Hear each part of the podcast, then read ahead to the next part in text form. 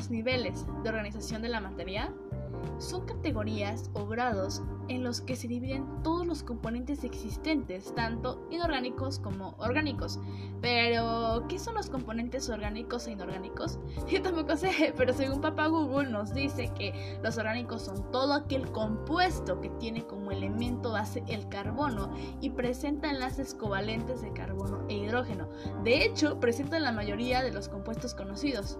En cambio, los componentes orgánicos son todo aquel compuesto cuyo elemento principal no es el carbono y que no presenta enlaces entre carbono e hidrógeno. En pocas palabras, uno tiene carbono y el otro no. Regresando por donde empezamos, los niveles de organización de la materia están organizados formando una jerarquía que va desde los elementos más simples hasta las relaciones entre diferentes organismos más complejos, desde lo más mini hasta lo más grandototote. Si quieres saber cuál es la estructura de esta organización, te invito a que te quedes.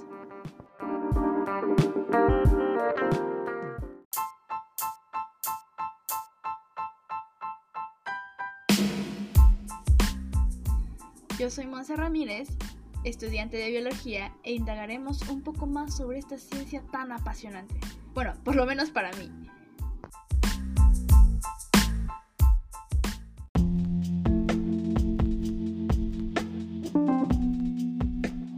Para empezar, ¿qué es la materia? Según la RAE, nos dice que es una realidad espacial y perceptible por los sentidos de la que están hechas las cosas que nos rodean y que, con la energía, constituyen un mundo físico. Eh, ¿Tantos científicos estudiando la materia para darle un significado tan pequeño? Eh, vamos a desglosarlo un poco más. Materia.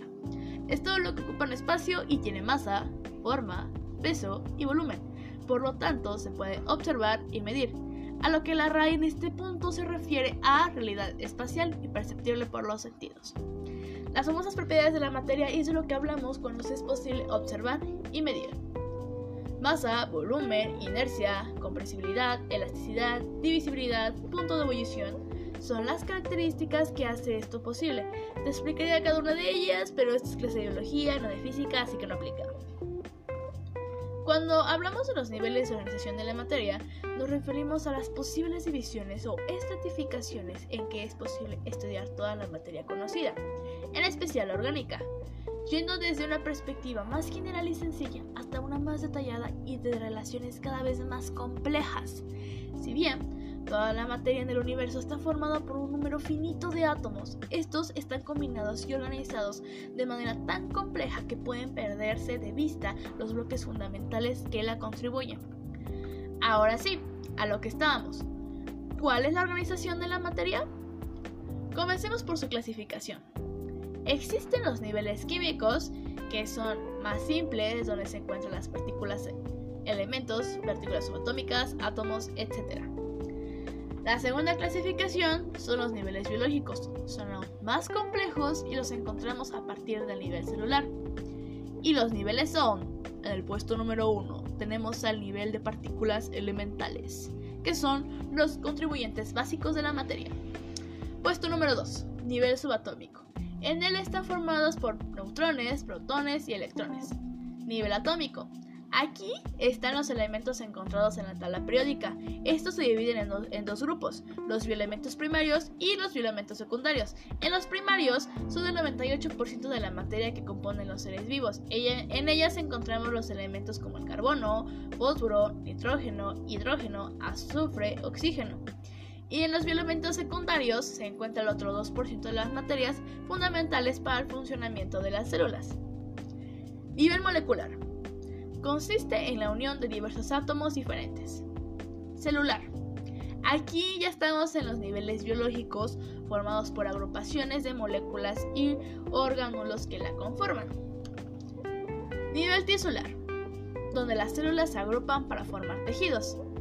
Nivel organular, donde los tejidos ahora se agrupan para formar órganos. Nivel sistémico o de aparatos, donde los órganos se estructuran en aparatos o sistemas más complejos que llevan a cabo funciones más amplias, por ejemplo, el sistema muscular. Nivel organismo, que es el nivel superior en cual las células, tejidos, órganos, aparatos y sistemas forman una organización superior como seres vivos. Nivel población. Conjunto de organismos que viven en un determinado tiempo y lugar. Y aquí es donde todo se hace más grande. Nivel comunidad conjunto de todos los seres vivos de todas las especies, incluyendo los más sencillos y los de mayor tamaño que viven en un determinado lugar. Aquí nosotros nos encontramos. Bueno, de hecho estamos en todos. Ecosistema. Interacción de la comunidad biológica con el medio físico. Nivel paisaje. Organización superior que comprende ecosistemas diferentes dentro de una determinada unidad de superficie normalmente aceptada a escala kilométrica. Nivel bioma. Agrupa regiones, paisajes y biomas. Son zonas que comparten el mismo clima, flora, fauna, aunque estén geográficamente separadas.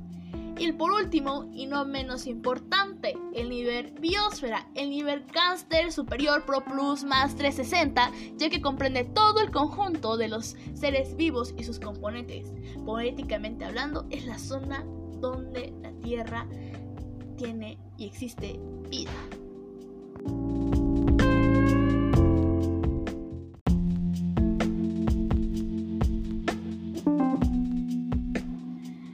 Que esta es la clase de biología y si no hablo de esto la profa no me va a poner un exquisito 10, hablemos sobre su significado.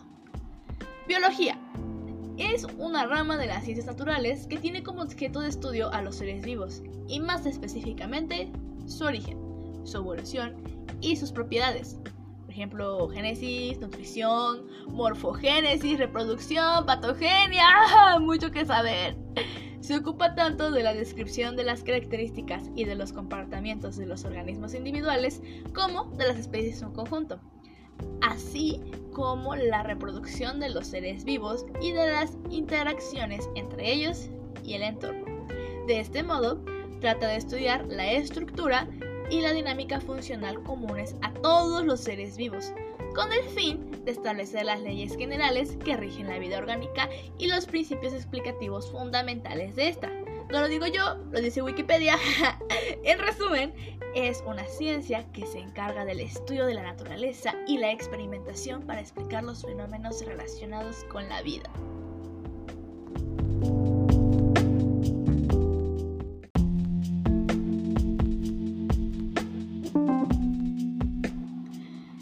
La biología requiere de otras áreas de conocimiento para realizar sus investigaciones, las cuales son las ciencias auxiliares, que funcionan como soporte de otra ciencia para que ésta cumpla con sus metas y objetivos. Se trata de disciplinas científicas que pueden complementarse a una ciencia en ciertos casos específicos. O sea, son los medios por el cual la biología hace bien su chamba, ¿ok? Como la química, estudia la composición molecular de los organismos. La física analiza los fenómenos físicos que se llevan a cabo en los seres vivos y los provocados por estos. Las matemáticas cuantifican los aspectos de interés relacionados con los organismos. La geografía permite ubicar los patrones de distribución de los seres vivos. La biología refleja una amplitud y una complejidad tremenda, por lo que es necesario subdividirla en ramas con métodos, términos y enfoques distintos.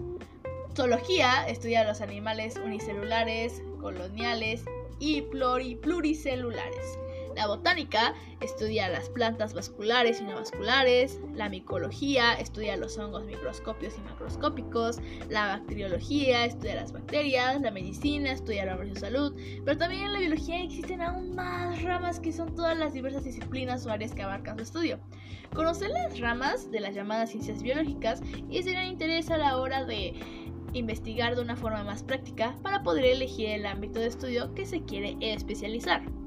Cada rama se enfoca así a un grupo especial de seres vivos a nivel general o particular, y estas divisiones o ramas se clasifican en subdivisiones en el cual se consideran las características de un ser vivo.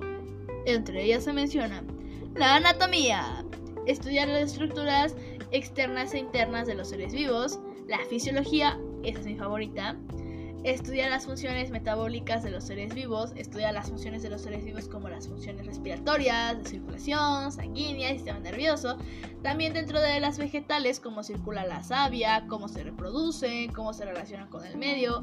En este caso, la biología ha ramificado en fisiología vegetal y fisiología animal. Embriología. Estudia el desarrollo de los patrones de desarrollo de los organismos. La citología estudia las células y sus características. La histología estudia los tejidos de los seres vivos. La genética estudia la transmisión de la herencia. La ecología estudia la interacción de los organismos entre sí y con su medio. La evolución, también de mis favoritas, estudia los cambios de las características de los organismos a lo largo del tiempo y el surgimiento de nuevas especies. La taxonomía estudia la clasificación de los seres vivos. Biología de desarrollo, que es la rama que estudia cómo es el desarrollo de los seres vivos desde que se conciben hasta que nacen la biología marina, que es la disciplina de la biología que estudia los fenómenos biológicos en el medio marino, la biología molecular, que estudia los procesos biológicos a nivel molecular o también el estudio de la estructura, función, composición de las moléculas biológicamente importantes dentro de su función de los seres vivos. Por ejemplo, estudia la síntesis de proteínas, la reaplicación del ADN y los aspectos relacionados con el metabolismo. La botánica, ciencia o rama de la biología, que estudia los vegetales, especialmente a nivel taxonómico, ya mencionado anteriormente, la ecología, rama de la biología que estudia la relación de los seres vivos y su hábitat, la microbiología, ciencia o rama de la biología que estudia los microorganismos, y zoología, disciplina derivada de la biología de, que estudia la vida animal.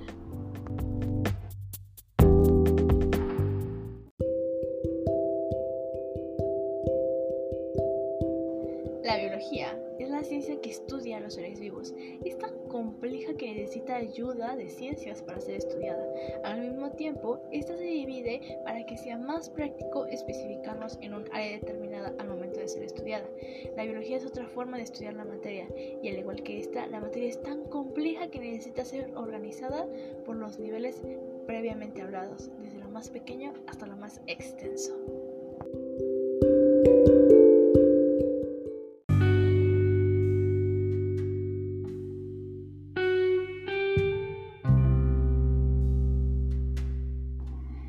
La biología nos ayuda a entender, valorar y cuidar la vida.